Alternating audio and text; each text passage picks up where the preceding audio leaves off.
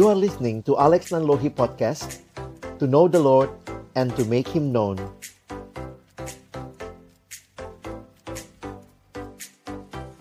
Mari kita berdoa sebelum kita membaca merenungkan firman-Nya. Kami datang kepadamu ya Tuhan, Allah yang hidup, Allah yang berkenan juga memanggil kami menjadi rekan sekerjamu di kampus, di tempat kami melayani. Tuhan, sekali lagi terima kasih untuk anugerahmu yang kau nyatakan di dalam kehidupan kami. Kami pun rindu terus diperlengkapi dengan berbagai pemahaman yang akan menolong kami untuk bersama-sama pada akhirnya boleh melayani dengan lebih baik lagi. Waktu ke depan ketika kami akan membuka firman-Mu, kami mohon bukalah juga hati kami. Jadikanlah hati kami seperti tanah yang baik. Supaya ketika benihmu, benih firman Tuhan ditaburkan, itu boleh sungguh-sungguh berakar, bertumbuh, dan berbuah nyata di dalam kehidupan kami, di dalam pelayanan kami. Berkati hambamu yang menyampaikan, setiap kami yang mendengar, Tuhan juga diskusi di antara kami, makin menolong kami memahami dan mengaplikasikan setiap kebenaran, setiap wawasan yang kami terima. Kami menyerahkan waktu ke depan, Tuhan yang memberkati dalam nama Yesus, Sang Firman yang hidup. Kami menyerahkan pemberitaan firman-Mu. Amin. Shalom teman-teman, selamat siang. Tama-tama bersyukur kepada Tuhan boleh melayani teman-teman sekalian pada hari ini dan kita masih dalam uh, apa ya rangkaian pembinaan yang saya harap ini jadi uh, wawasan yang menolong kalian untuk melayani dengan lebih baik lagi. Saya sudah menyiapkan satu PowerPoint buat kita. Jadi kita akan mengikuti uh, pembahasan ini nanti di bagian akhir ada kesempatan ya teman-teman untuk kita bertanya jawab. Jadi feel free kalau ada yang mungkin uh, kalian ingin tanyakan sambil jalan bisa mulai dipikir dulu atau diketik nanti setelah selesai ada waktu untuk kita diskusi ya. Nah, sesuai dengan uh, topik yang diberikan pada hari ini kita akan bicara tentang interdenominasi ya.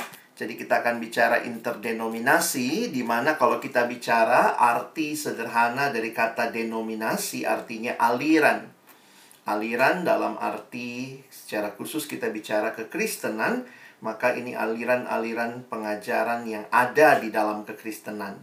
Sementara inter artinya saling atau antar, maka ini bicara bagaimana uh, satu denominasi dengan denominasi yang lain bisa melihat dan bisa menikmati kekayaan bersama di dalam kesatuan. Nah, jadi ini jadi bagian yang menarik karena secara khusus keunikan pelayanan mahasiswa itu sifatnya bersifat interdenominasi. Sebenarnya istilah yang lebih tua yang biasa dipakai itu juga yang kita pakai sebenarnya untuk persekutuan kita, kita menggunakan istilah oikumene. Oikumene tetapi kemudian banyak yang melihat istilah oikumene ini takutnya bias dengan mencampur adukkan begitu ya sehingga akhirnya berbicara interdenominasi karena ada beberapa hal khusus yang tetap terjadi dalam interdenominasi di mana tidak menghilangkan kesatuan tetapi juga tidak uh, menutup mata terhadap perbedaan. Jadi itu satu hal yang perlu kita pahami ya.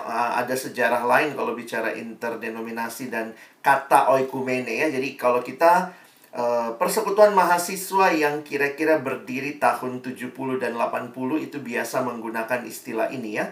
Uh, oikumene maksud saya. Tetapi kemudian uh, persekutuan yang lebih belakangan cenderung memilih istilah persekutuan mahasiswa Kristen misalnya seperti itu. Nah, jadi keunikannya sama sebenarnya karena keunikan interdenominasinya. Nah, mari kita akan lihat sebentar. Saya akan bahas dua perspektif. Pertama, perspektif dari firman Tuhan. Lalu yang kedua, kita nanti akan bicara perspektif yang sedikit banyak berkaitan dengan sejarah dan aplikasinya, ya.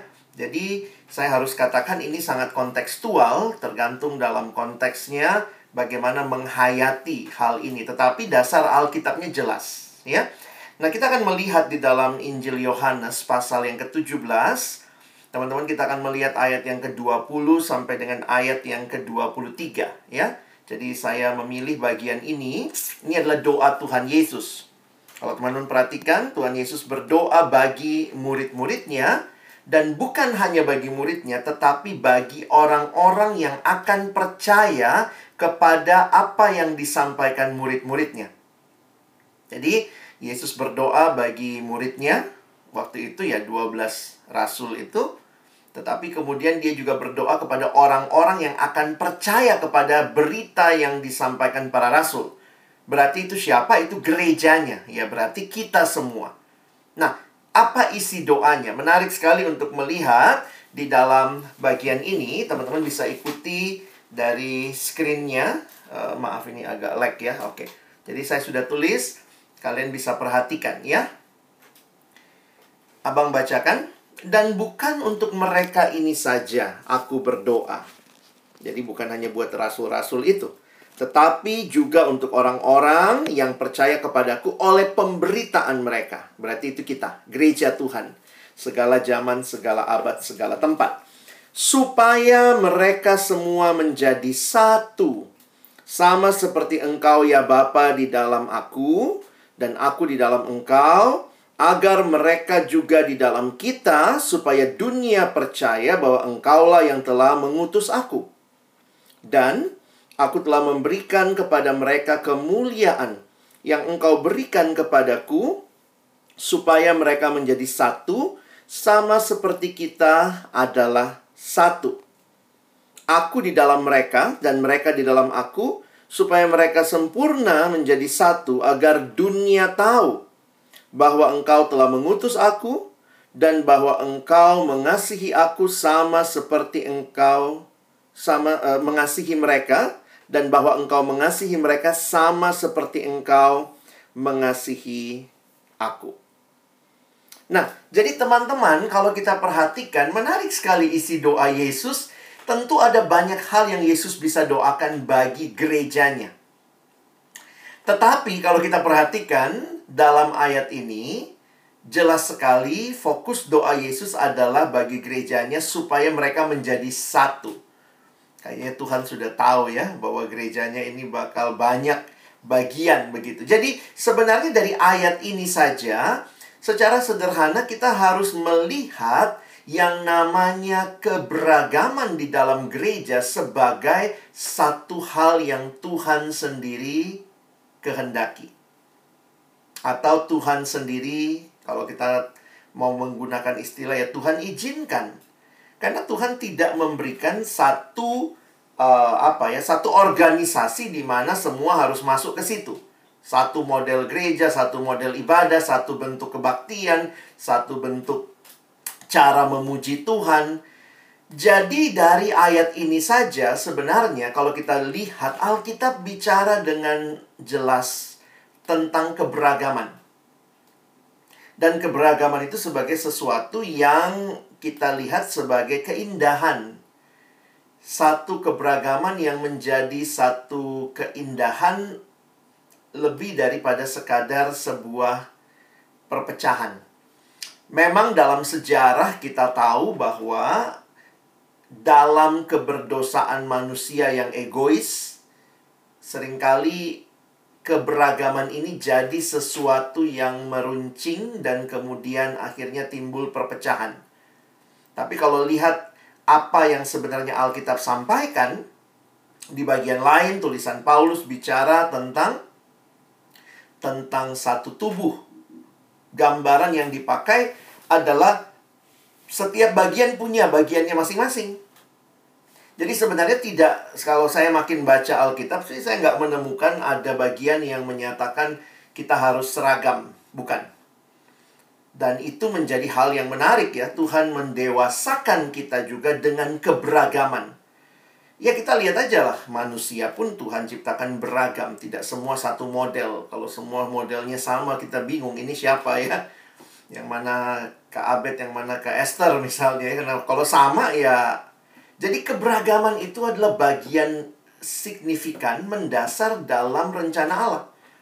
Karena Allah menciptakan manusia itu segambar dan serupa dengan dia, jangan lupa. Allah kita adalah Allah Tritunggal. Itulah pujian yang kita naikkan tadi. Allah Tritunggal, Bapa, Anak, Roh Kudus. Itu pun sudah menyatakan pribadi Allah yang satu itu adalah Allah yang adalah tiga pribadi yang berbeda satu sama lain.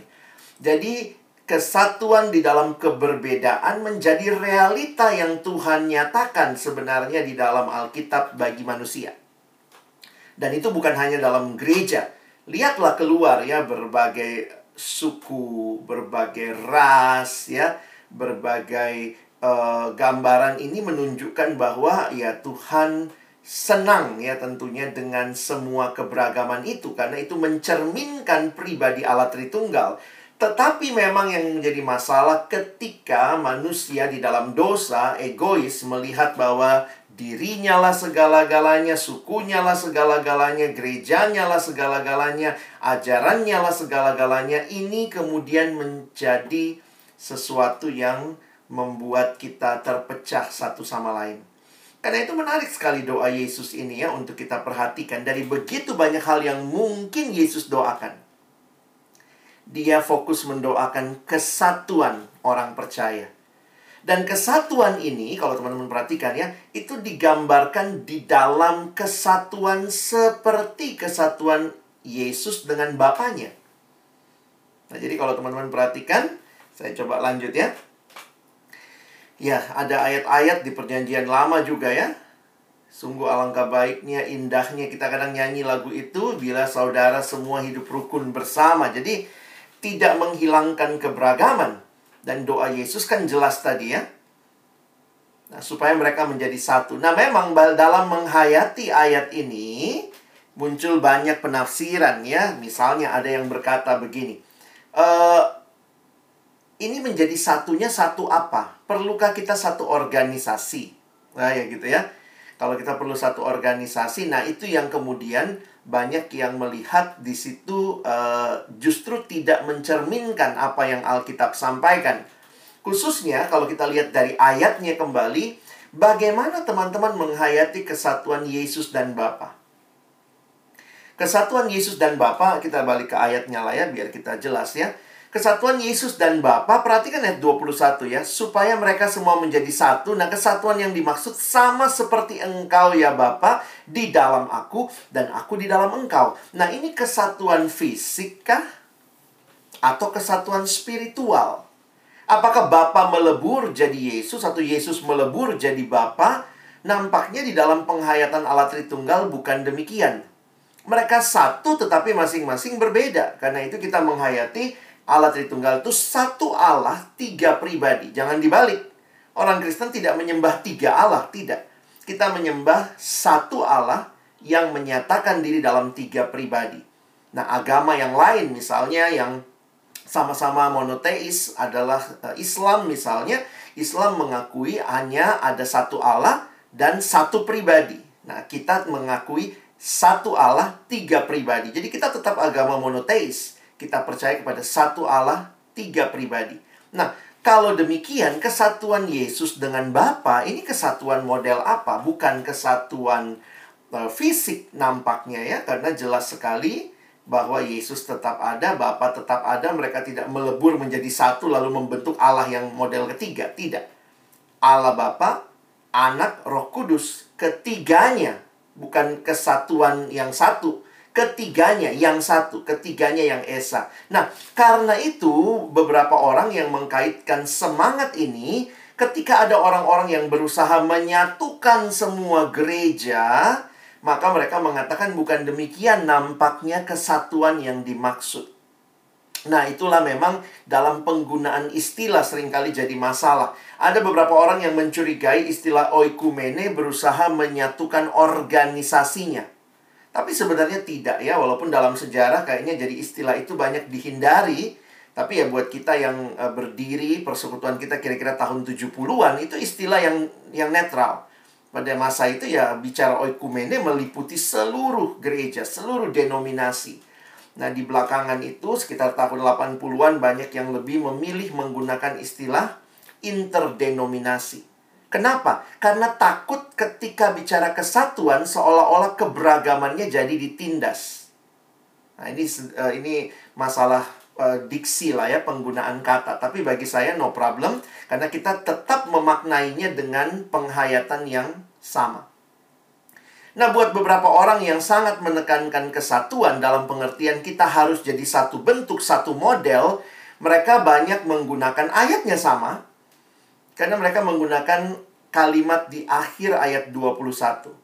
Mereka mengatakan, perhatikan, supaya dunia percaya bahwa engkaulah yang telah mengutus aku. Sehingga mereka mengatakan bagaimana dunia percaya? Dunia mesti melihat apa yang dilihat. Gimana dilihatnya kalau kita pecah-pecah? Harus nyatu secara organisasi. Jadi akhirnya memang di dalam sejarah ada dua perjuangan ya. Ada yang memperjuangkan kesatuan, akhirnya semua keberagaman mati atau memperjuangkan keberagaman malah nggak jelas kesatuannya. Padahal Yesus berkata supaya dunia percaya. Bagaimana percaya? Tentunya harus bisa melihat apa yang menjadi kesatuan itu.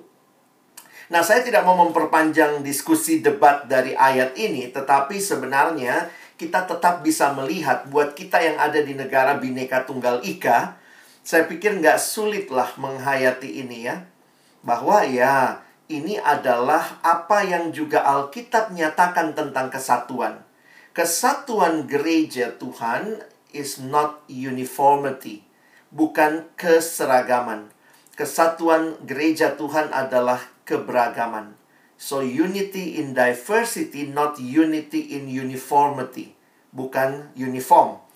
Jadi teman-teman saya pikir ini jelaslah buat kita ya orang percaya Allah tidak menghendaki mereka terpecah, tapi Allah merindukan umatnya menjadi satu. Tetapi tetap, saya meyakini kalau kita perhatikan bagaimana caranya Paulus misalnya di 1 Korintus 3, Paulus tidak menghilangkan ada kelompok-kelompok atau yang disebut golongan.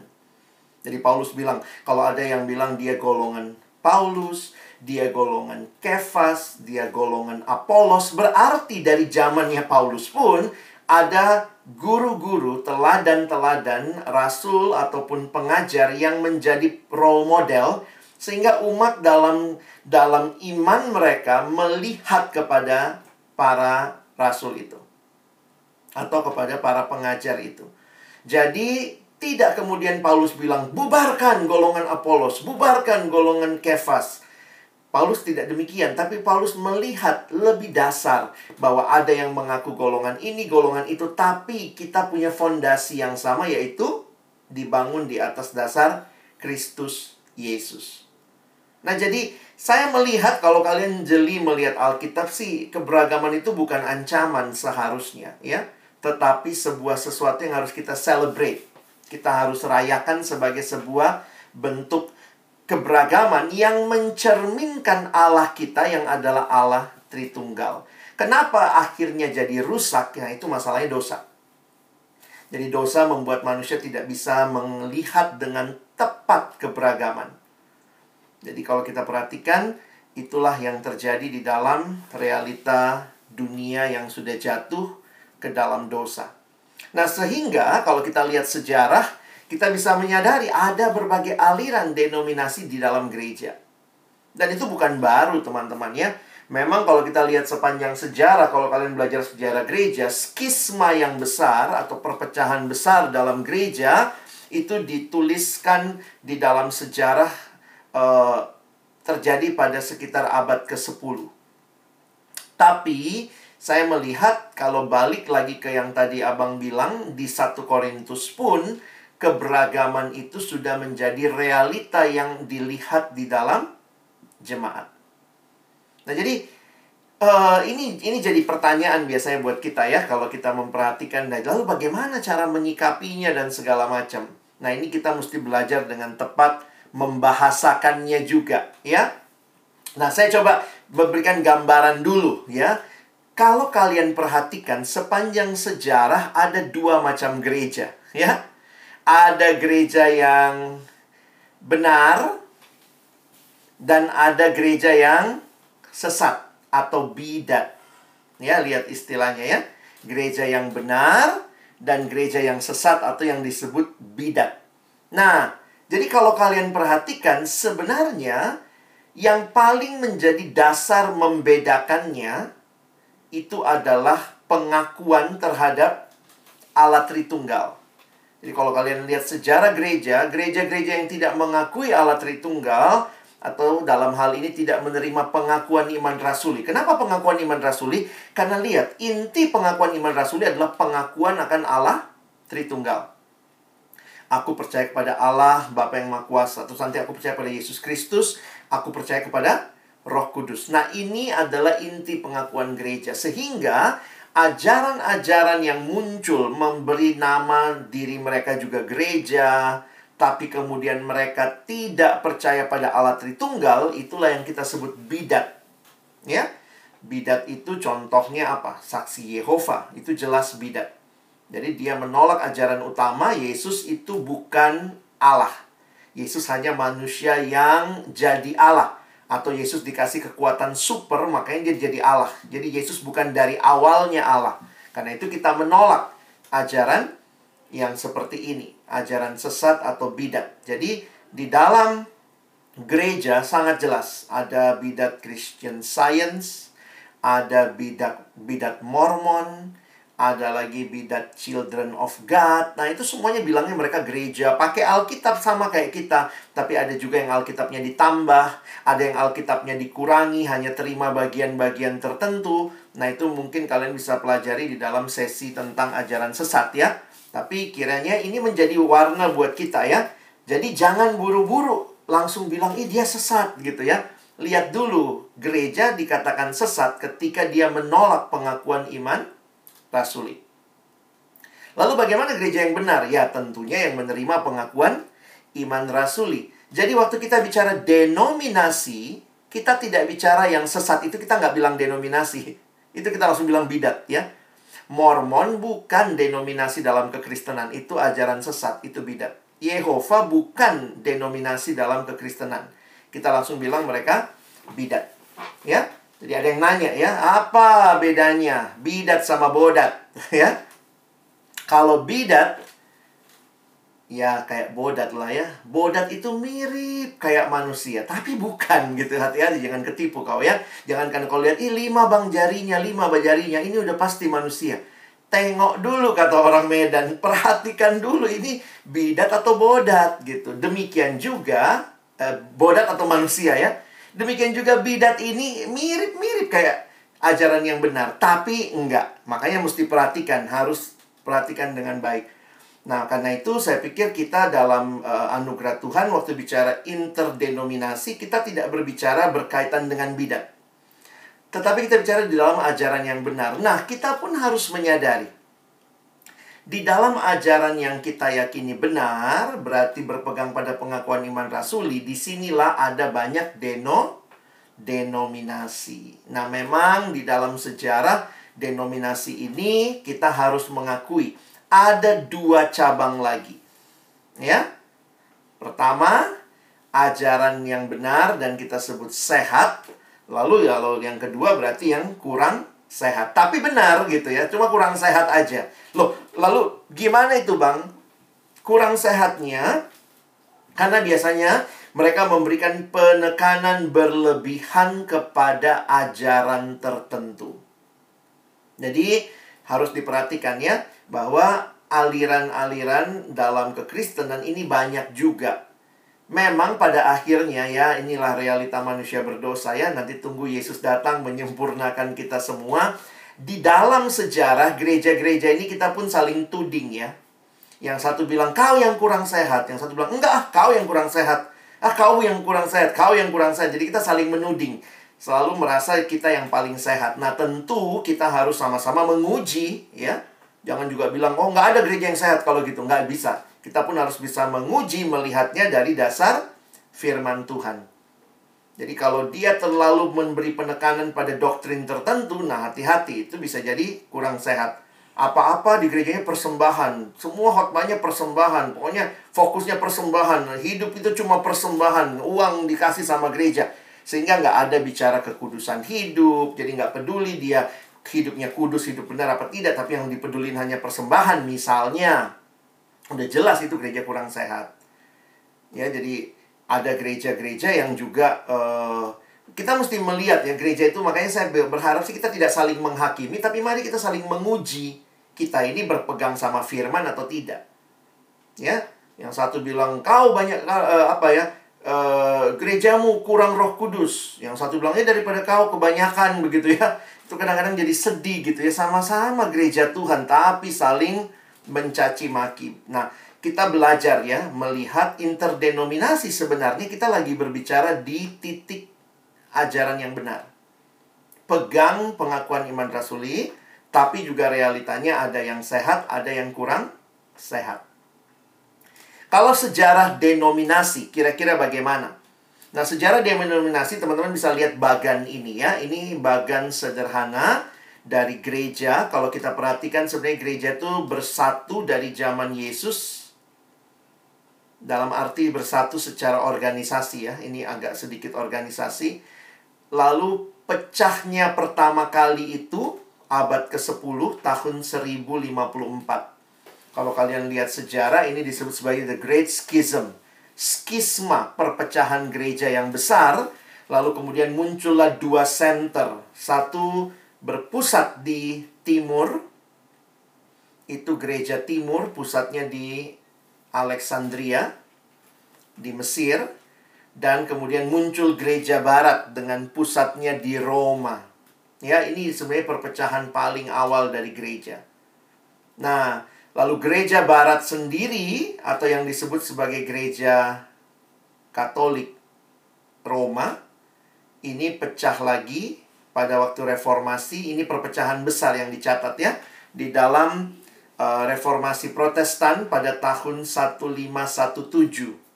Jadi akhirnya sebenarnya gereja barat ini seluruhnya dulu disebut gereja Katolik. Lalu ketika pecah maka disebut gereja Katolik Roma dan yang pecahannya disebut sebagai gereja Protestan. Nah, jadi kalau ditanya kita itu ada dalam al aliran mana? Sebenarnya rata-rata ya, saya nggak tahu apakah ada dari gereja Ortodoks. Karena beberapa gereja Ortodoks sudah mulai buka cabang di Jakarta. Nah, tapi sebagian besar kalau yang saya tahu di kampus banyak yang dari uh, kalau nggak Protestan ya Katolik. Berarti kita dari aliran gereja Barat. Bedanya apa? Dulu debatnya tentang apa? Nah, itu sesi lain ya kalau kalian tertarik belajar sejarah gereja, tapi saya hanya mau memberitahukan inilah realita.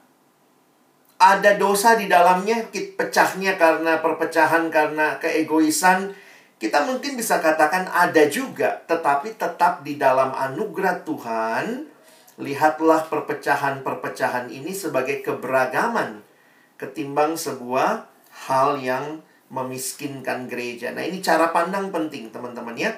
Karena kalau kita perhatikan Tuhan sendiri bekerja loh di dalam situasi-situasi ini memang ada juga perpecahan yang sepele. Itu terjadi banyak ya kayak di Amerika begitu katanya. Setiap tahun muncul sekian denominasi baru. Terus kadang-kadang masalahnya bukan di ajaran teman-teman. Masalahnya bisa sepele. E, mimbar bagusnya di mana? Di kiri atau di kanan? Lalu berantem orang itu habis berantem kemudian oh udah aku gereja mimbar kiri gereja mimbar kanan. Pisah kami. Jadi kalau cuma pisah gara-gara letak mimbar gile ya. Lucu banget begitu Nah, tapi dalam sejarah kalau kita pelajari banyak yang pisah karena jelas ada yang pisah karena ajaran karena merasa ajaran ini diabaikan. Misalnya gereja-gereja Protestan waktu makin established, mereka tidak secara tegas menyatakan tentang tentang kesalehan hidup, tentang dosa misalnya. Wah, itulah muncul gerakan akhirnya kaum Puritan yang muncul sebagai respon karena gereja sudah terlalu biasa dengan dosa. Bahkan orang-orang berdosa pegang politik, pegang pimpinan di dalam gereja. Sehingga muncul gerakan kesucian hidup seperti kaum Puritan ya. Akhirnya mereka keluar dari gereja arus utama. Lalu kemudian membentuk seperti muncul metodis misalnya. Dan dari metodis ini muncul juga akhirnya Pentakosta. Jadi kalau lihat sejarahnya, orang-orang yang berjuang untuk mengangkat kesucian hidup karena gereja yang uh, yang lama dianggap tidak dengan kuat mengajarkan kesucian hidup. Dosa ditolerir begitu rupa, ya. Nah, nanti kalian bisa pelajari. Nah, ini kira-kira bagan. Setelah 1517 wah banyak lagi tuh cabangnya ya.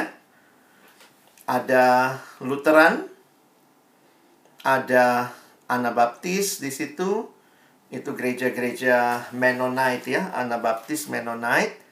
Lalu ada gereja Reform Tradition dari Anglican itu keluar Methodist, lalu keluar Baptist, nanti kemudian dari Methodist kalau lihat sejarahnya lagi 1900-an muncul gereja uh, gereja Pentakosta. Lalu perhatikan memang di dalam sejarah, nah ini membuat kalian yang tertarik sejarah gereja nanti baca-baca sendiri lah ya. Abang bisa kasih beberapa referensi kalau tertarik. Nah, ada juga kalau kalian perhatikan di dalam gereja sebenarnya muncul awalnya itu bukan memaksudkan perpecahan. Sebenarnya kayak Martin Luther itu tidak memaksudkan perpecahan. Buktinya dia kan tempel dalilnya itu di pintu gereja. Pintu gereja itu jangan kaget, ih kok tempelnya pintu gereja rusak-rusakin pintu ya. Waktu itu bulletin boardnya di sebuah desa karena center hidup mereka adalah church, maka bulletin boardnya itu di pintu gereja. Jadi orang kalau mau lihat pengumuman apa di desa ya pergi ke gereja lihat di uh, pintunya. Nah di pintu itu dia tempel ya Nah, waktu dia tempel itu sebenarnya apa kerinduannya? Supaya gereja Katolik memurnikan diri kan? Jadi Luther itu nggak pada awalnya memang mari kita bentuk Protestan, mari kita bentuk enggak. Luther itu sedang jangan karena kalian dengar kata nama Protestan, oh dasar tukang protes gitu ya. Banyak orang nggak ngerti juga istilah Protestan bukan bicara protesnya, tetapi sebenarnya dari kata Protestanum. Kita peduli atau kita kembali kepada testament, kembali kepada Bible. Makanya kan semboyannya sola, sola uh, scriptura, kembali kepada Alkitab, Protestanum. Nah, jadi kalau dengar cerita seperti ini kita jadi sadar gitu ya bahwa Luther itu tidak mau sebenarnya membuat gereja Protestan, dia mau memurnikan gereja Katolik dan dia adalah imam ya. Jangan lupa Luther itu kan imam di gereja Katolik dan dia mencoba memurnikan, memberikan penjelasan. Beberapa kali dia dipanggil, ada hearing juga ya. Jadi waktu itu dilakukan hearing dengan dia dan segala macam, tapi Luther tetap pada waktu itu cukup keras menentang Paus Leo. Paus Leo yang lagi uh, butuh duit untuk membangun katedral, karena itu dia jual surat uh, indulgensia itu ya, penghapusan dosa yang kalau dibeli katanya dosa dihapus begitu ya. Dan itu yang kemudian menjadi pergumulan Luther dan akhirnya dia diasingkan dari gereja dan dia dikejar. Dalam pelariannya itulah dia dapat banyak simpati dan akhirnya kemudian melihat bahwa karena Paus sudah mengeluarkan uh, ini ya untuk menangkap Luther dan akhirnya Luther kemudian ya bersama dengan simpatisannya itulah akhirnya membentuk uh, gereja Protestan. Kira-kira begitu kan dalam sejarah. Nah, jadi kemudian kalau kita perhatikan, nah selalu muncul uh, ingin memurnikan lagi karena melihat ini kok disepelekan, yang ini melihat ini kok diabaikan dan itu muncul. Jadi teman-teman kita nggak bisa tutup mata bahwa kita ada dalam sejarah di mana Tuhan memakai berbagai orang di segala waktu untuk membangun gerejanya termasuk dengan realita adanya banyak denominasi, ya. Nah, apa yang menarik melihat perbedaan denominasi ini? Nah, ini uh, Abang tuliskan beberapa hal ya. Dalam buku yang ditulis oleh Jeremiah uh, Buroh, dia bilang 10 great ideas from church history, ya. Jadi kita tidak bisa tutup mata, perbedaan-perbedaan doktrin tidak terelakkan. Sudah 2000-an tahun, ya Nanti kalau kalian perhatikan, jadi itu bukan hal yang baru. Nah, yang kedua, perbedaan doktrin dalam hal-hal sekunder adalah hal-hal yang tidak bisa diabaikan. Ya, jadi uh, ya ini nggak nggak nggak bisa ya terjadinya seperti itu gitu ya. Nah, yang ketiga nih lihat perbedaan tersebut bisa membawa manfaat. Jadi kalau kita mau belajar Orang Kristen bisa dikuatkan dengan give and take untuk mendiskusikan, mendoakan, merenungkan hal-hal yang tidak mereka sepakati. Jadi sebenarnya ini lucu ya, uh, bukan lucu ya, menarik lah. Kita tuh sepakat dalam hal-hal yang esensi. Alkitab firman Tuhan, Allah Tritunggal, Yesus Juru Selamat. Tapi dalam hal-hal yang lain, nah ini kita mesti lihat tergantung sejarahnya juga ya Nah, ini yang sering kali jadi pergumulan. Kita lihat lagi. Saya nggak kutip semuanya. Yang keempat, tidak ada satu struktur organisasi tunggal yang bisa mewakili gereja Kristus. Jadi kalau kita bilang ini, yang mana yang gereja Tuhan? Gereja Ortodoks kah? Gereja Roma Katolik kah? Atau gereja Pentakosta kah? Atau gereja Lutheran kah? Atau gereja Calvinis kah? Reform kah? Baptis kah? Kita nggak bisa bilang, oh cuman saya yang gereja Tuhan, yang lain tuh tiru-tiru gitu. Nggak bisa ya. Dalam realitanya, inti dari sektarianisme, ya, merasa diri adalah sek yang sendiri adalah kecenderungan untuk menyamakan gereja yang benar dengan salah satu organisasi gereja atau gereja saya. Cuma gereja saya yang paling benar. Gereja saya paling mirip sama Alkitab. Nah, bilang dulu Alkitab yang bagian mana? Karena begini, di dalam Alkitab sendiri, khususnya untuk beberapa hal itu kelihatan perbedaan-perbedaan yang Tuhan izinkan. Saya kasih contoh.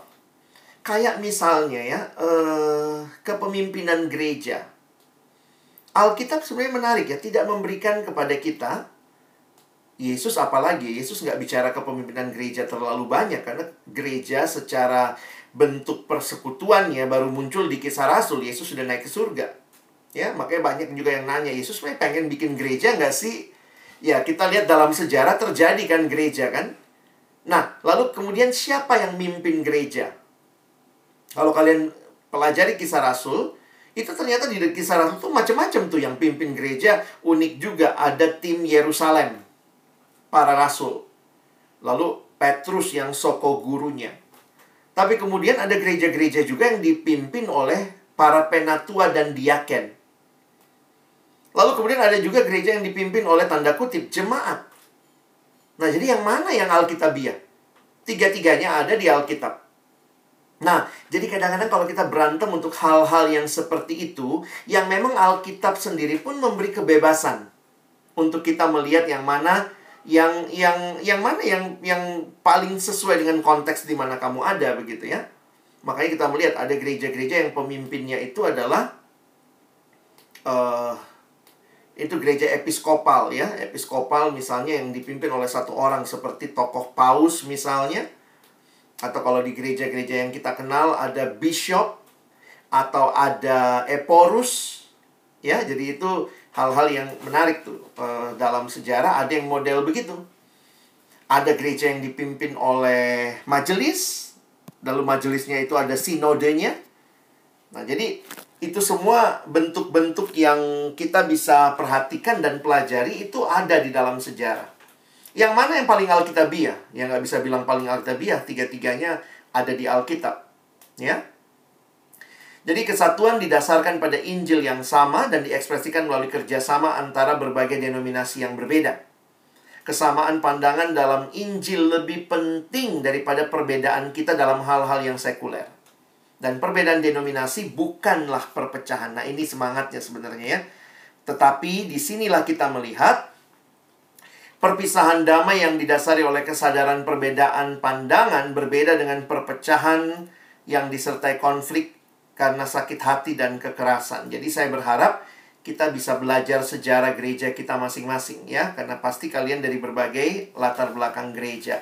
Sebelum kita mengkritisi gereja orang lain tanya dulu kenapa denominasimu muncul? Dari mana munculnya? Pelajari buku sejarah gereja. Tanya siapa? Tanya pendetamu ya. Jadi bisa tanya amang inang gitu ya. Bapak ibu om tante boleh tahu nggak sejarah gereja kita? Nanti mungkin kamu dikasih buku suruh baca artikel gitu ya Nah, bagaimana kita di pelayanan mahasiswa? Lalu pelayanan mahasiswa gimana? Kita kan bukan gereja dalam arti organisasi, tetapi kita tetap gereja dalam arti organik. Karena gereja itu kan adalah orangnya yang dipanggil keluar dari kegelapan, berarti kita pun adalah gereja. Nah, karena itu saya melihat ketika gereja memang sangat fokus dengan denominasi, saya saya pikir begini ya, Tuhan di dalam anugerahnya membangkitkan pelayanan mahasiswa. Yang bukan gereja secara organisasi, tetapi ada di kampus. Di kampus ada orang-orang Kristen nih, yang bersekutu bersama-sama. Sehingga muncullah pelayanan yang fokusnya adalah menolong mahasiswa yang adalah gereja ini untuk bertumbuh di dalam Tuhan. Nah, karena itu kita menghayati persekutuan mahasiswa atau PO, kita hayati sebagai para church. Para itu dari bahasa Latin artinya di samping, pendamping, para medis. Ya, para medis bukan dokter ya. Dokter itu medisnya ya, tapi para medis ya di samping dokter, di samping petugas. Jadi, para church bahwa kita adalah bagian dari gereja Tuhan yang membangun mahasiswa Nah, karena itu pertanyaannya begini. Pelayanan mahasiswa di kampus harus bagaimana? Lebih baik di bawah denominasi tertentu. Kalau di bawah denominasi tertentu, saya bicara praktis ya. Gimana nanti praktisnya? Karena realitanya kita bisa berantem nih. Misalnya masuklah apa? HKBP masuk kampus jadi nanti ada HK, uh, persekutuan mahasiswa HKBP, GPIB masuk persekutuan mahasiswa GPIB, masuk lagi persekutuan mahasiswa Pentakosta, masuk lagi persekutuan mahasiswa Baptis, uh, persekutuan. Jadi masuklah semua begitu ya. Kalau kampus mahasiswa di bawah sebuah denominasi, sebenarnya secara praktis saja lah. Ini pikiran praktis ya. Hari Jumat mau ada berapa PJ? Mau buka hmm, berapa kelas? 7 kelas, 8 kelas. Kalau semua gereja buka di kampus, bayangkan pinjam satu ruangan aja repot. Gimana kalau kita mesti pinjam 10 ruangan? Kenapa? Ada 10 denominasi. Jadi saya harus katakan begini. Untuk konteks kita, saya bicara kita karena begini. Di negara lain mungkin itu bisa. Kalau kalian pergi ke luar negeri, kalian bisa lihat di kampus itu ada persekutuan mahasiswa baptis, persekutuan mahasiswa reform, persekutuan mahasiswa. Tapi jangan lupa, sebagian besar daerah-daerah yang menerapkan sistem itu karena mereka mayoritas. Jadi bayangkan kalau mayoritas di kampus dengan semua keberagaman itu ya banyak-banyak aja yang datang mahasiswa baptis 50 orang mahasiswa reform dua uh, apa 200 orang mahasiswa Lutheran bisa sampai misalnya 300 orang. Tapi buat kita yang jelas-jelas secara jumlah ya saya bicara jumlah ya bukan kualitas. Secara jumlah kita minoritas maka saya melihat Ya, makanya saya sangat terbuka dalam hal interdenominasi bahwa bentuk yang paling pas untuk konteks kita, khususnya di UI, kampus yang juga saya besar, saya melayani, itu bentuk interdenominasi. Jadi, interdenominasi merupakan tanah yang subur untuk pelayanan mahasiswa, tanah yang gembur. Jadi, karena itu interdenominasi kita merindukan hadirnya mahasiswa yang menyadari dan menghargai keberagaman yang ada dalam PO. Dan menjaga dan memperjuangkan kesatuan ini. Nah, bagaimana ini terjadi, teman-teman? Jangan mimpi dulu. Jemaat ngalamin, kalian pengurus harus ngerti. Kalian pengurus harus meyakini. Pengurus PKK, nah makanya kita dibina lagi, diingatkan lagi. Bukannya kita, ya saya sadar betul ya, banyak banget loh gereja mau masuk kampus tapi menarik ya, kalau kita bicara PO, kita adalah sebuah keluarga. Keluarga kita terdiri dari banyak denominasi. Jadi itu jauh lebih sehat ketimbang semua denominasi ada di kampus dan kemudian kita nggak punya kesatuan. Nanti kalau ditanya, kamu anak hukum ya? Iya, ikut persekutuan ya? Iya, aku aku persekutuan uh, baptis hukum. Aku persekutuan uh, yang yang reform hukum. Aku persekutuan. Jadi loyalitasmu adalah kepada denominasimu. Karena itu akan otomatis seperti itu. Tetapi kita langsung bilang, saya anak POFH. Karena loyalitas kita kepada persekutuan Fakultas Hukum. Ya. Nah, kalau ini udah kalian mengerti sebenarnya uh, selanjutnya dari slide saya, slide abang sebenarnya cuman uh, ini ya. Ini hal-hal praktisnya bagaimana ya. Waktu saya tersisa, jadi ini praktis-praktisnya seperti apa. Jadi tujuan pelayanan mahasiswa kita harus lihat ya. Kalau kita memilih pelayanan mahasiswa bentuknya interdenominasi, ya ini memang terbatas ya. Teman-teman nanti akan kembali ke gerejamu. Kita nggak bisa bilang seumur hidup kamu di kampus ya. Tapi dalam waktu di kampus, maka perjuangkan interdenominasi supaya waktumu yang terbatas itu, kan pelayanan masih itu temporer. Ya, terbatas. Jadi, teman-teman saya melihat terbatas waktunya, orangnya secara jumlah minoritas, maka mari kita perjuangkan interdenominasi. Karena itu adalah tanah yang subur. Nah, bagaimana wujudnya interdenominasi dalam PO? yaitu semangat untuk menjalin kesatuan di antara orang percaya yang berbeda denominasi. PO yang interdenominasi tidak menganut suatu doktrin yang sepenuhnya milik ajaran suatu gereja.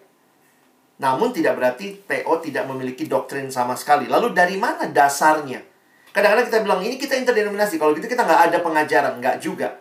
Tapi kita mendasari pengajaran kita kepada kebenaran Alkitab. Tentu kita menerima pengakuan iman rasuli. Ada doktrin-doktrin yang kita yakini bersama sebagai kebenaran dasar ada. Ya. Alkitab firman Tuhan, Yesus juru selamat, itu semua kita yakini, ya. Nah, bagaimana dengan perbedaan doktrin?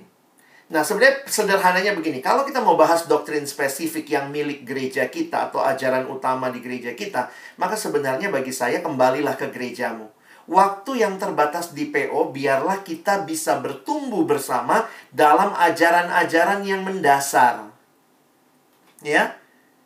Dan karena apa? Seringkali perbedaan doktrin yang kelihatan kalau kita mau jujur, sebenarnya bukan kontradiksi, tapi itu saling melengkapi. Ya.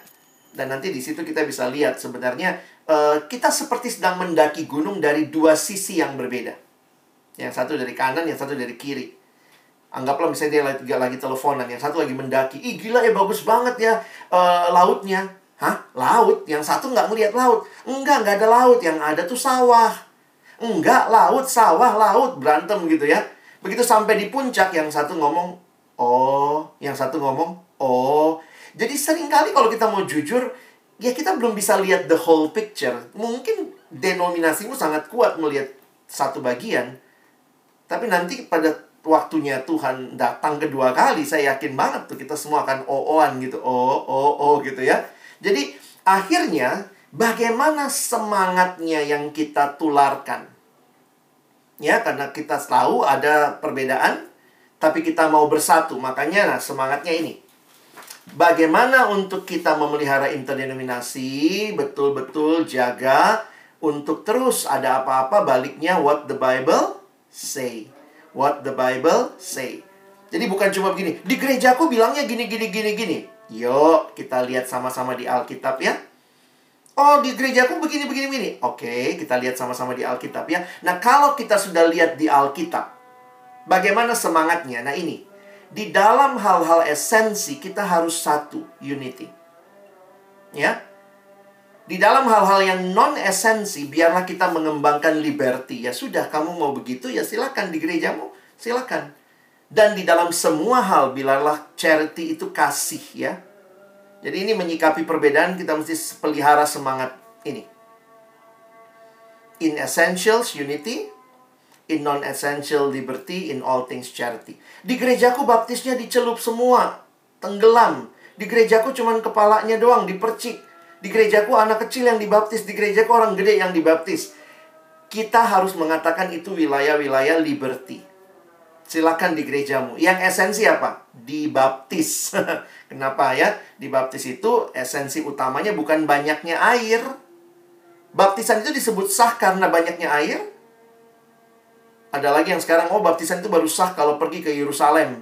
Dibaptis di sungai Yordan kayak Yesus waduh tambah bikin pusing lagi. Itu semua hal-hal yang kita bebas. Itu non esensi. Yang jelas adalah dibaptis sah karena dalam nama Bapa, Anak, dan Roh Kudus. Jadi makanya tema-tema PJ, tema PO kan bukan pentingnya baptisan selam, pentingnya baptisan percik. Bukan. Itu tidak kita bahas. Kita membahas hal-hal yang bicara esensi ya. Jadi hati-hati. Yang bicara semua agama sama itu jadi sifatnya pluralis. Sementara juga ada yang sektarian, hanya gereja saya yang memiliki kebenaran. Ya, dua slide terakhir. Bagaimana memelihara interdenominasi? Kita harus punya pemahaman, khususnya kita yang melayani. Karena kalau jemaat tanya, teman-teman mesti jawab ya. Ingat, kita bukan gereja dalam arti organisasi. Jadi, PO tidak melakukan baptisan, tidak melakukan pemberkatan nikah gitu ya. Jangan sampai PO bikin uh, pembaptisan atau apa, kita nggak melakukan itu. Itu gereja. Kita para church, perpanjangan tangan gereja. Karena itu sebenarnya PO yang sehat tidak membuat orang Misalnya kalau pengurusnya semua dari gereja HKBP, oh bilang, oh yo pindah HKBP. Kalau nggak mau pindah HKBP jangan datang PO, nggak bisa begitu ya.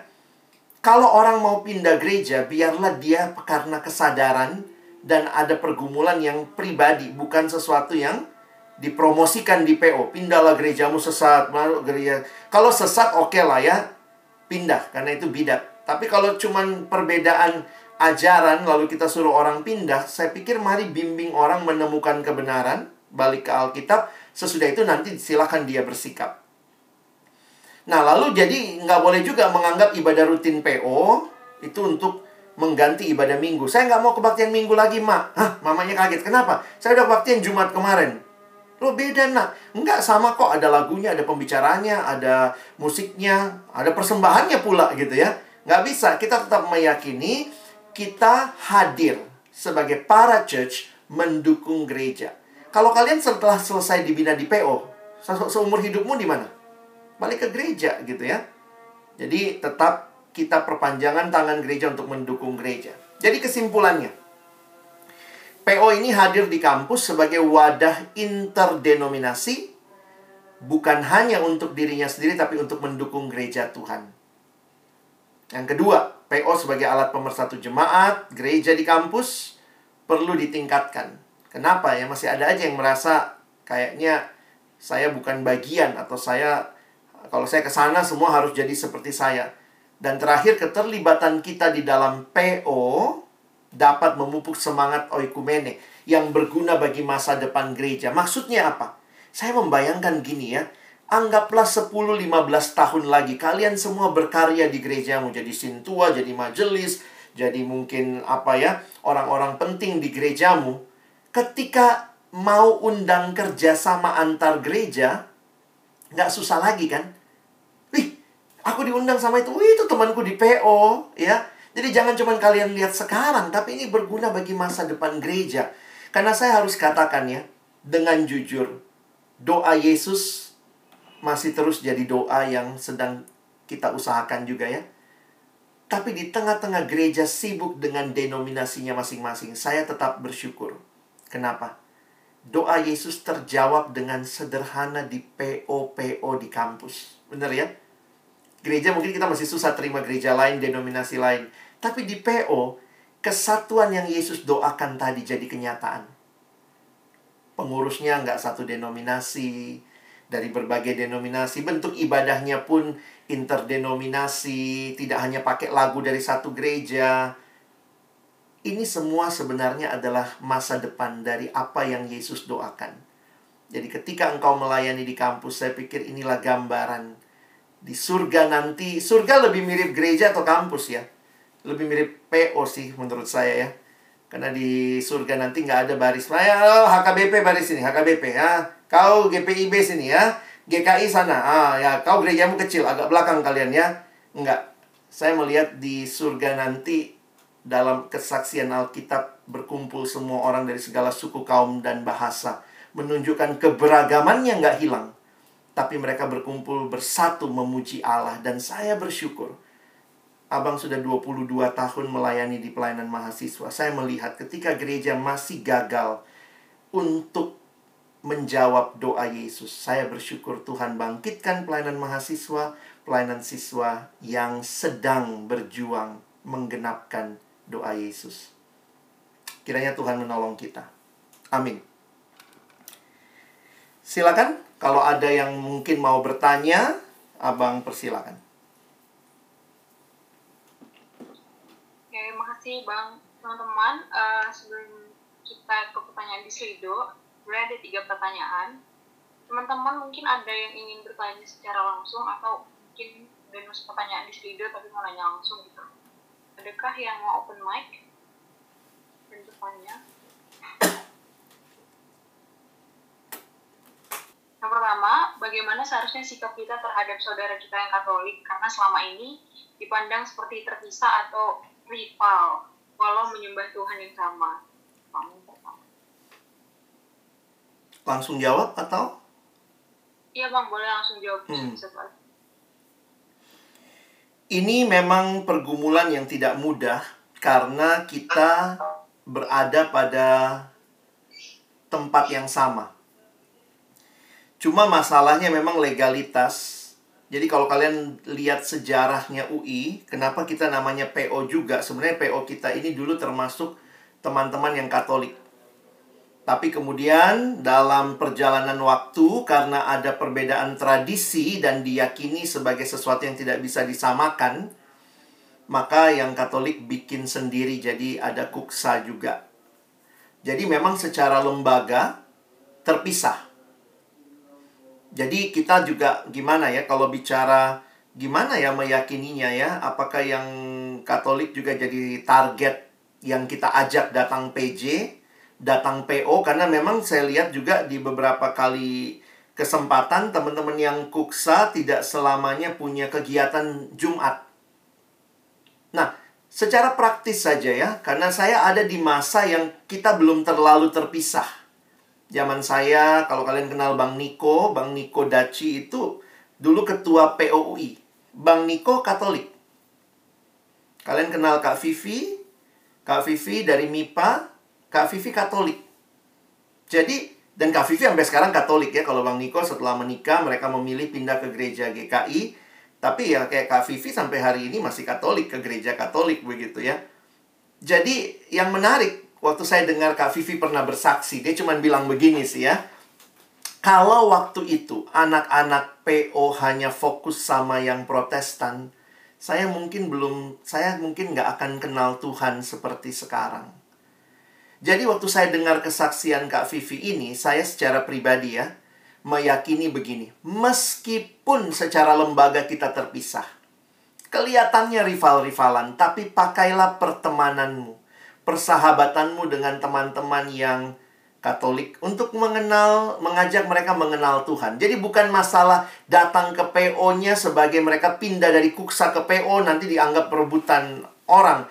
Tapi saya minta dalam kasih Tuhan doakan teman-temanmu yang Katolik secara khusus supaya mereka juga bisa kenal Tuhan dan sering kali kan karena persahabatan di kampus saya pikir itu jadi sarana yang baik untuk teman-teman mengajak mereka. Jadi keep them in your prayer, in your heart gitu ya, doakan mereka. Saya sih melihatnya agak susah lah ya kalau kita mau jadi satu organisasi lagi menghayati PO itu Protestan Katolik karena sudah stigmanya di generasi kalian PO itu Protestan, yang satu Katolik. Tapi kalau di generasi saya karena belum terlalu kuat kuksanya, jadi banyak sekali ikut kelompok kecil pun teman-teman yang Katolik juga kita ajakin gitu ya. Kenapa kita temenan, eh mau ikut kelompok kecil nggak? Ih aku nggak terlalu ngerti. Ya udah ayo sama-sama gitu. Nah saya nggak tahu nih teman-teman masih bangun kerinduan seperti itu nggak? Mungkin bukan secara organisasi tapi secara hati dan kerinduan menjangkau lah kira-kira seperti itu. Ada yang Katolik di sini? Enggak sih bang. Karena udah sangat terpisah kita ya. Iya bang. Wah. Mungkin kayak di wadah pelayanan kayak PMKA mungkin masih. Iya, iya. Tapi itu yang saya takut juga menghilang loh semangat ngajak teman-teman yang Katolik. Padahal jujur ya, mereka juga butuh kenal Tuhan. Jadi jangan kalau pengurus juga melihat PO itu hanya buat Protestan, ya udah, kita begini terus. Tapi kalau pengurus bisa dalam doa pribadi, mungkin punya teman kos, punya teman yang dekat, ngajak mereka untuk kenal Tuhan. Jadi bukan PO-nya yang kau tonjolkan. Bukan ayo pindah jadi orang PO, tapi eh ada tema bagus nih di PJ. Uh, lu kan banyak nanya juga waktu itu tentang ini. Yuk ikutan yuk gitu. Nah, makanya teman-teman kalau generasi saya kami ini dilatih lah ya, terlatih mungkin kalau pakai bahasa terlatih untuk kami kalau bicara di PJ itu kita sangat interdenominasi lah. Uh, karena saya juga men mendengar ya beberapa kesaksian ketika yang diundang pembicara yang tidak mengerti interdenominasi di beberapa fakultas yang masih gabung Katoliknya, ada pembicara-pembicara yang dengan tajam nyala-nyalahin Katolik, lalu itu membuat teman-teman yang Katolik nggak mau datang PJ lagi. Jadi saya saya juga uh, saya pikir itu salah satu dampak ya buat kita yang besar di pelayanan mahasiswa. Banyak pembicara gereja bagus. Tapi saya harus katakan kenapa PO lebih banyak mengundang bukan pembicara gereja yang bagus dalam arti apa? Kita melihat kita fokus kepada orang-orang yang juga ngerti semangat interdenominasi. Karena begitu kamu undang orang yang hanya tahu denominasinya, Bahkan kita sering saling menyakiti loh, Protestan sama Pentakosta, sama Advent, sama teman-teman yang mungkin uh, karismatik. Jadi kadang-kadang saya harus katakan kenapa di persekutuan kita kita sangat menjaga interdenominasi termasuk pemilihan pembicara karena kita bukan cuma sekadar mau orang uh, apa ya menggunakan mimbar untuk nyala-nyalahin denominasi yang lain karena semangat kita adalah Cari orang-orang yang mau mengajak semua kembali lihat Alkitab. Nah, kira-kira begitu. Oke, terima kasih, Bang. Ya. Uh, aku lanjut ke pertanyaan kedua ya, Bang. Mm -mm. Pertanyaan kedua, bagaimana kami sebagai pengurus dan PKKPO menghadapi persekutuan-persekutuan lainnya yang ada di kampus yang membawa denominasi tertentu?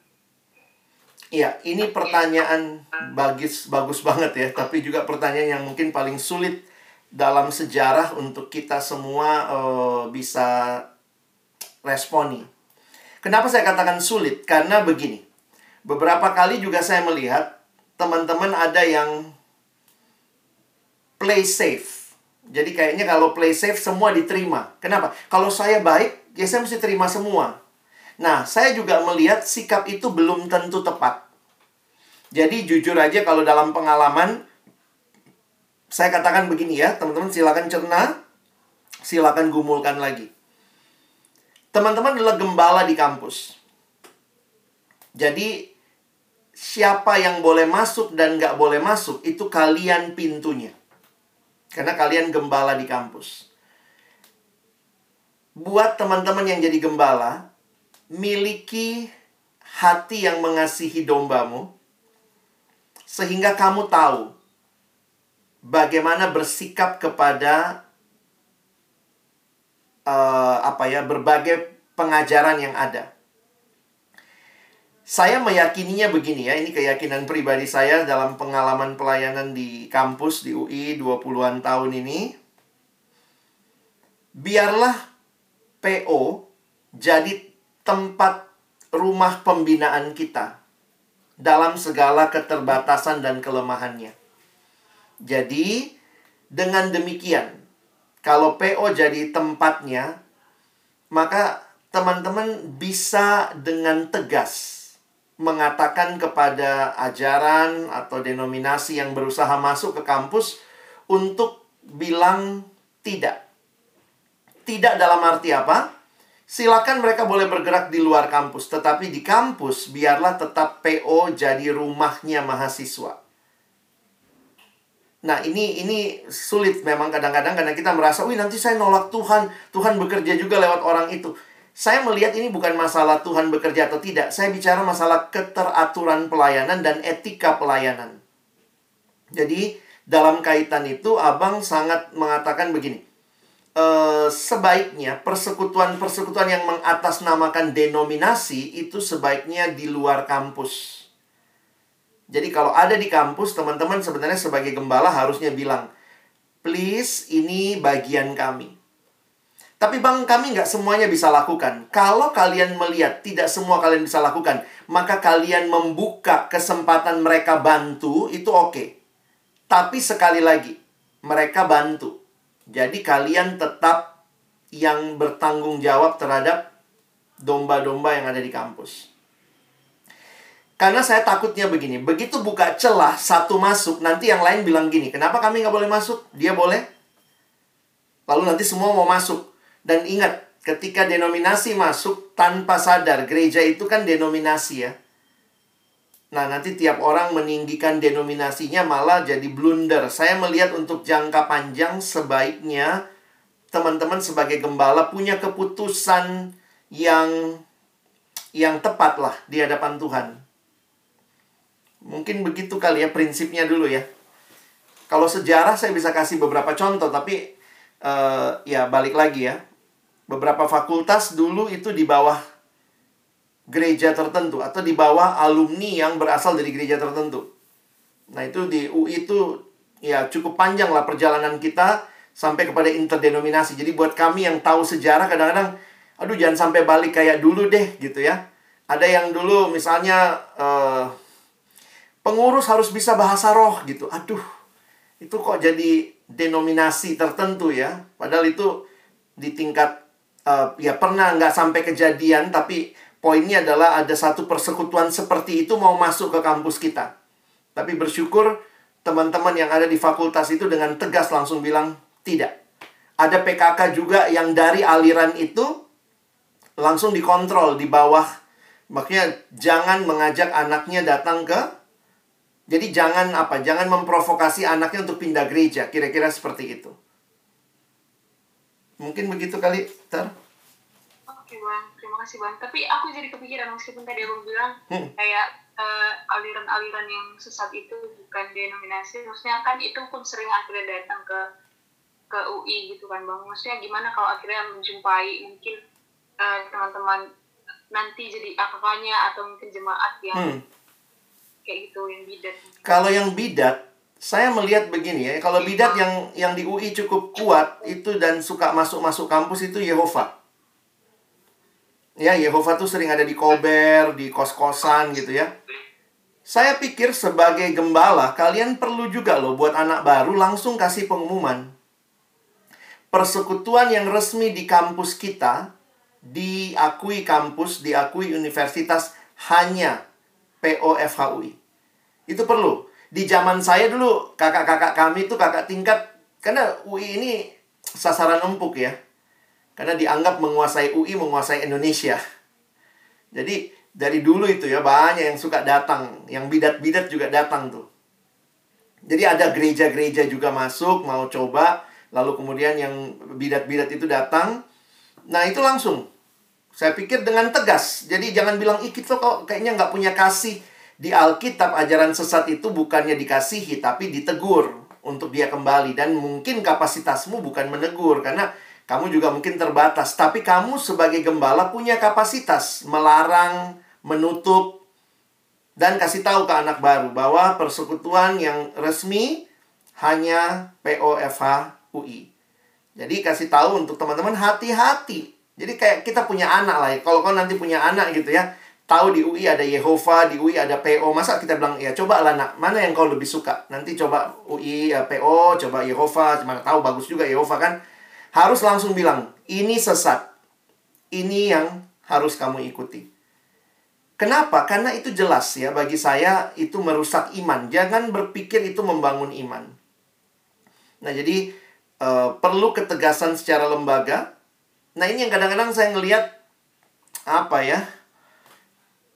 Sebenarnya dulu dulu kampus kalian yang ngalamin tuh ya di generasi yang beberapa generasi yang lalu yang kadang-kadang saya sedih begini karena PO makin melembaga, maka kita nyelesain apa-apa pakai rapat.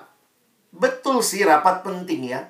Tapi ketika melembaga saya juga sedih sebenarnya relasi pribadi kita kurang kuat. Nah ini cerita yang terjadi pada fakultasmu beberapa tahun yang lalu. Ada persekutuan agak-agak aneh mau masuk ke fakultasmu. Yang terjadi adalah pengurus PO sibuk rapat. Sementara yang sesat-sesat ini bikin PA di kos-kosan. Datengin anak-anak, kasihi, mau beli apa deh, ditraktir apa, tiap hari diperhatikan. Kita anak PO, rapat, rapat, rapat gitu. Rapat hanya untuk mengatakan, kita kasih tahu nggak ya ini sesat ya, kita kasih tahu nggak ya ini sesat. Waktu itu kan saya juga, ya saya kan bukan orang, saya bukan mahasiswa, saya sebagai alumni cuma bilang, Dek, tegas, Dek, tegas Bang, tapi ada satu PKK kami juga ikut persekutuan orang itu. Ya, tegas aja bilang jangan bawa persekutuan itu masuk gitu. Tapi nanti dia tersinggung. Nah, banyaklah pikiran takut orang tersinggung. Tapi kemudian anak-anak makin ditarik ke persekutuan itu. Kita sibuk rapat, orang itu sibuk keliling kos-kosan. Jadi memang kadang-kadang kasih kita, kita yang merasa diri benar ini punya kasih juga yang terbatas. Kita nungguin mereka, kita PJ itu kan kayak nunggu warung ya. Nunggu warung, kita CO, jadi kita di warung aja nunggu nanti Jumat mereka datang. Orang itu datang ke kos-kosan orang mahasiswa kita. PA dia sama orang itu di situ. Jadi kadang-kadang kalau ditanya, mana yang lebih mereka yakini sebagai kakak yang baik? Yang CO berjam-jam, lalu nunggu di PJ atau yang memang datang ke kos-kosan mereka gitu ya. Nah, itu yang saya bilang waktu itu, jangan-jangan persekutuan kita karena terlalu rigid, akhirnya kurang lagi kasihnya. Jadi begitu ada pengajaran sesat, kita pun meresponinya pakai rapat, pakai apa, tapi sebenarnya kita merangkul nggak jemaat. Nah, itu juga jadi perenungan kita kali ya. Mungkin begitu kali. Uh, ini tambahan aja. Kalau ada yang mendaftar ikut kelompok kecil dari aliran-aliran yang sesat, yang sesat ya, jangan dikelompokkan bersama dengan mereka yang lain. Tegas saja. Kalau mau mereka dikelompokkan khusus. Itu terjadi di psikologi waktu itu. Ada satu anak saksi Yehova. Terus dia bilang, ya saya mau ikut. Biasalah, kalau mau ikut masa kita tolak kan? Mana tahu dia bisa jadi benar. Tapi dimasukkanlah gabung sama orang anak-anak lain. Nah, yang menarik, pemimpin kelompok kecil, teman-teman mesti ngerti ya, beberapa ajaran-ajaran yang uh, bidat ini, saya mau bilang bodat lagi ya, itu mereka tuh mentraining orang untuk debat Alkitab. Jadi, PKK-nya juga PKK baru, nggak terlalu kuasai Alkitab. Anak ini kuasai banget Alkitab. Jadi dia debat di kelompok, lalu PKK-nya ini jadi kayak tersudut. Akhirnya teman-teman yang lain yang nggak tahu apa-apa jadi ngelihat, ih, bener juga ajaran temanku ini ya. PKK ku aja nggak bisa jawab. Jadi saya sangat mengatakan kalau begitu jangan berani pegang dulu. Kasihlah sama yang lebih senior dan biarlah dia dikelompokkan khusus. Karena kalau dia sama yang lain, dia saya takut cenderung mengacaukan. Karena dia memang di training. Khususnya Yehova itu di training buat debat. Jadi jangan jangan merasa tapi kita mesti layani dia. Mungkin ada orang lain yang Tuhan bisa pakai kalau kalian punya kemampuan yang terbatas. Mungkin itu nasihatnya kali deh. Ya bang, terima kasih bang. Ada satu pertanyaan terakhir mungkin bang. Yep. Bisa tanya jawab. Mengapa ada hal esensi dan non esensi? Siapa yang menentukan dan apa saja batasan-batasannya? Baik. Kembali kita melihat gereja itu punya dua hal yang menarik di dalam sejarahnya. Pertama kita punya Alkitab. Itulah firman Tuhan yang menjadi pedoman kita. Tapi yang kedua, kita juga punya yang namanya tradisi gereja. Nah, jadi di dalam sejarah antara firman dan tradisi itu punya koneksi yang kuat. Nah, sehingga kalau kita perhatikan banyak kali yang tadi Abang bilang ya, perhatikan bahwa Alkitab pun sebenarnya dalam beberapa hal memberikan kebebasan. Misalnya ada yang bilang, baptisan itu harus diselam. Yesus buktinya diselam. Tapi kemudian ada yang bilang enggak, dipercik. Lalu kemudian kita berantem lah masalah bahasa misalnya. Bahasanya sebenarnya kan ada dua bahasa. Keluar dari air dan keluar dari dalam air. Nah, coba waktu kita perhatikan ayatnya, waktu Yesus habis dibaptis, dikatakan dia keluar dari air, bukan dari dalam air. Jadi sebenarnya kalau kita mau berantemin Yesus diselam apa tidak itu pun debatable. Dari struktur tata bahasanya tidak bisa kita memastikan Yesus itu diselam atau dia hanya berdiri di samping lalu dipercik begitu. Apalagi kalau kita lihat Yohanes Pembaptis waktu itu tidak hanya membaptis Yesus, banyak orang yang datang. Jadi apakah diselam satu-satu kita nggak tahu. Sehingga ada beberapa gambar mengatakan kemungkinan Yohanes berdiri di sebuah tebing di sisi sungai, lalu orang lewat, dia cuman sirim-siriman air. Jadi, jadi kadang-kadang kalau kita mau mendebatkan, akhirnya kita sadar ya, bukan itu yang esensi. Nah, makanya di dalam sejarah gereja, kita lihat Alkitab, apa yang esensi, dan sejarah gereja merumuskan yang esensi itu di dalam yang tadi, pengakuan iman rasuli. Nah, semua yang esensi itu sebenarnya ada di pengakuan akan Allah Bapa, Anak, Roh Kudus. Bagaimana kepemimpinan gereja? Bebas. Bagaimana cara baptis? Bebas. Bahasa roh atau tidak? Itu bebas. Kenapa? Karena itu dibilang karunia. Jadi kembali lagi kita melihat ke Alkitab dan bagaimana di dalam sejarah gereja, bapak-bapak gereja kita meresponi itu. Jadi memang tidak ada batasan khusus gimana-gimana banget, tapi paling tidak buat kita sekarang, kita bisa melihat itu sebagai kekayaan keberagaman. Jadi kita bisa tanya, ih kenapa kau dibaptisnya percik ya? Itu kan jadi diskusi yang menarik. Oh, kami ambilnya dari sini. Kenapa kau diselam? Oh, kami ambilnya di sini. Saya waktu ya dulu juga saya bertanya ya karena abang ini kan saya besar di gereja Protestan, masuk kampus, eh masuk saya dari siswa dilayani. Tiba-tiba teman saya mungkin dalam ya dalam keyakinan dia akan ajarannya membuat saya jadi berpikir tentang ajaran saya. Itu terjadi di persatuan interdenominasi ya. Dia bilang gini, Lex, kau udah dibaptis? Uh, itu SMA ya, kelas 2, kelas 3. Ya udah. Oh, dibaptisnya pas kapan? Pas kecil. Kok nggak diselam? Enggak. Dipercik. Ih, kepalamu aja nanti masuk surga. Hah? Takut juga aku ya, cuman kepala masuk surga gitu. Jadi dari situ saya jadi berpikir, loh, gimana sih pengajaran tentang baptisan? Pertanyaannya akhirnya apakah baptisan menyelamatkan? Bagaimana? Jadi dari situ abang jadi berpikir banyak. Jadi belajar lagi ajaran sendiri dan akhirnya bisa merespon dengan baik. Dan waktu saya PA kan, nah ini kalau secara sederhana singkatnya begini.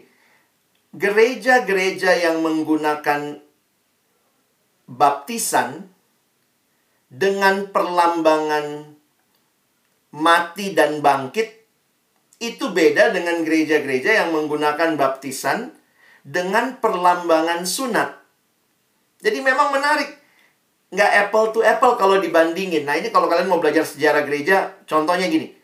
Gereja-gereja karismatik Pentakosta menggunakan baptisan dengan perlambangan mati, dan bangkit bersama Kristus. Dia ambilnya Roma 6.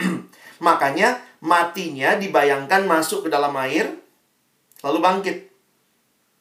Nah, gereja protestan ternyata nggak mengambil perlambangan itu untuk baptisan. Dia mengambilnya dari tradisi disunat. Di Alkitab, dua-duanya ada ayat pendukung. Satu di Kolose, satu di Roma yang jelas adalah dibaptis. Perlambangan baptisannya beda. Di kitab Kolose, disunat dia bilangnya. Sunat itu anaknya waktu masih kecil. Karena orang Yahudi disunat umur 8 hari. Jadi, baptisan sebagai perlambangan sunat bagi gereja protestan itu adalah ikatan perjanjian. Itulah anugerah.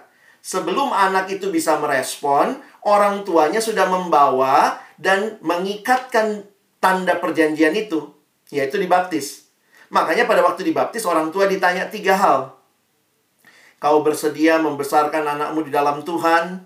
Ya, yang kedua, kau bersedia menjauhkan diri, eh, menjauhkan anakmu dari segala bentuk kuasa kegelapan? Ya, yang ketiga, pada waktunya membimbing dia untuk mengakui imannya di hadapan jemaat. Itulah Marguru dulu baru CD kau kan? Nah, waktu CD itu anak itu mengakui. Tapi sebelum dia bisa mengaku, orang tuanya yang mengaku dulu. Bukan berarti di, orang tuanya nanggung dosanya. Itu kadang-kadang orang salah ngerti. Oh, masih tanggung. Tapi lihat gambarannya. Sunatnya itu adalah gambaran baptisan. Makanya masih kecil pun boleh dibaptis buat gereja protestan. Dia belum bisa mengaku percaya. Kenapa dibaptis? Boleh kok orang pun belum pernah mengaku disunat. Karena diharapkan orang tuanya akan membesarkan anak itu dalam Tuhan. Gereja karismatik Pentakosta mengambil lambangnya yang lain. Mereka ambil Matius 28 misalnya. Pergilah, jadikanlah semua bangsa muridku, dan baptislah mereka. Nah, gereja Pentakosta melihat ini adalah urutan. Pergi, jadikan murid dulu, baru boleh baptis. Makanya mereka tidak terima baptisan anak-anak. Kalau kecil, jangan dibaptis. Diserahkan aja. Nanti kalau dia besar bisa ngaku baru dibaptis. Yang satu ambilnya karena baptis dewasa, ambillah Roma 6. Mati dan bangkit. Makanya dicelup masuk ke dalam air dan bangkit. Yang satu dibaptis sebagai tanda disunat. Sunat itu kan nggak semua kulitnya dipotong. Apa nggak seluruh alat kelaminnya dipotong kan? sedikit aja dipotong. Makanya dipercik aja. Nggak usah dimasukkan semua air, kira-kira begitu. Jadi kadang-kadang lucu ya. Kita berantemin selam percik, selam percik. Kalian ngerti nggak perlambangan apa yang lagi dilambangkan? Nah, jadi kalau kita habiskan waktu tiga tahun pelayanan di kampus berantemin soal itu, padahal orang masuk surga bukan masalah dibaptis ya, tapi masalah dia percaya Yesus. Masih ingat penjahat di sebelah Yesus? Yesus bilang apa? Hari ini juga kau bersama aku di Firdaus. Tuhan Yesus nggak bilang, hari ini juga. Turun, baptis kau dulu. Nggak masuk surga nanti kau, baptis. Enggak. Dia percaya pada Yesus, hari ini juga kau bersama aku.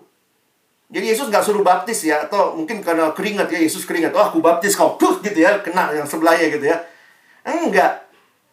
Jadi akhirnya kita menyadari gitu.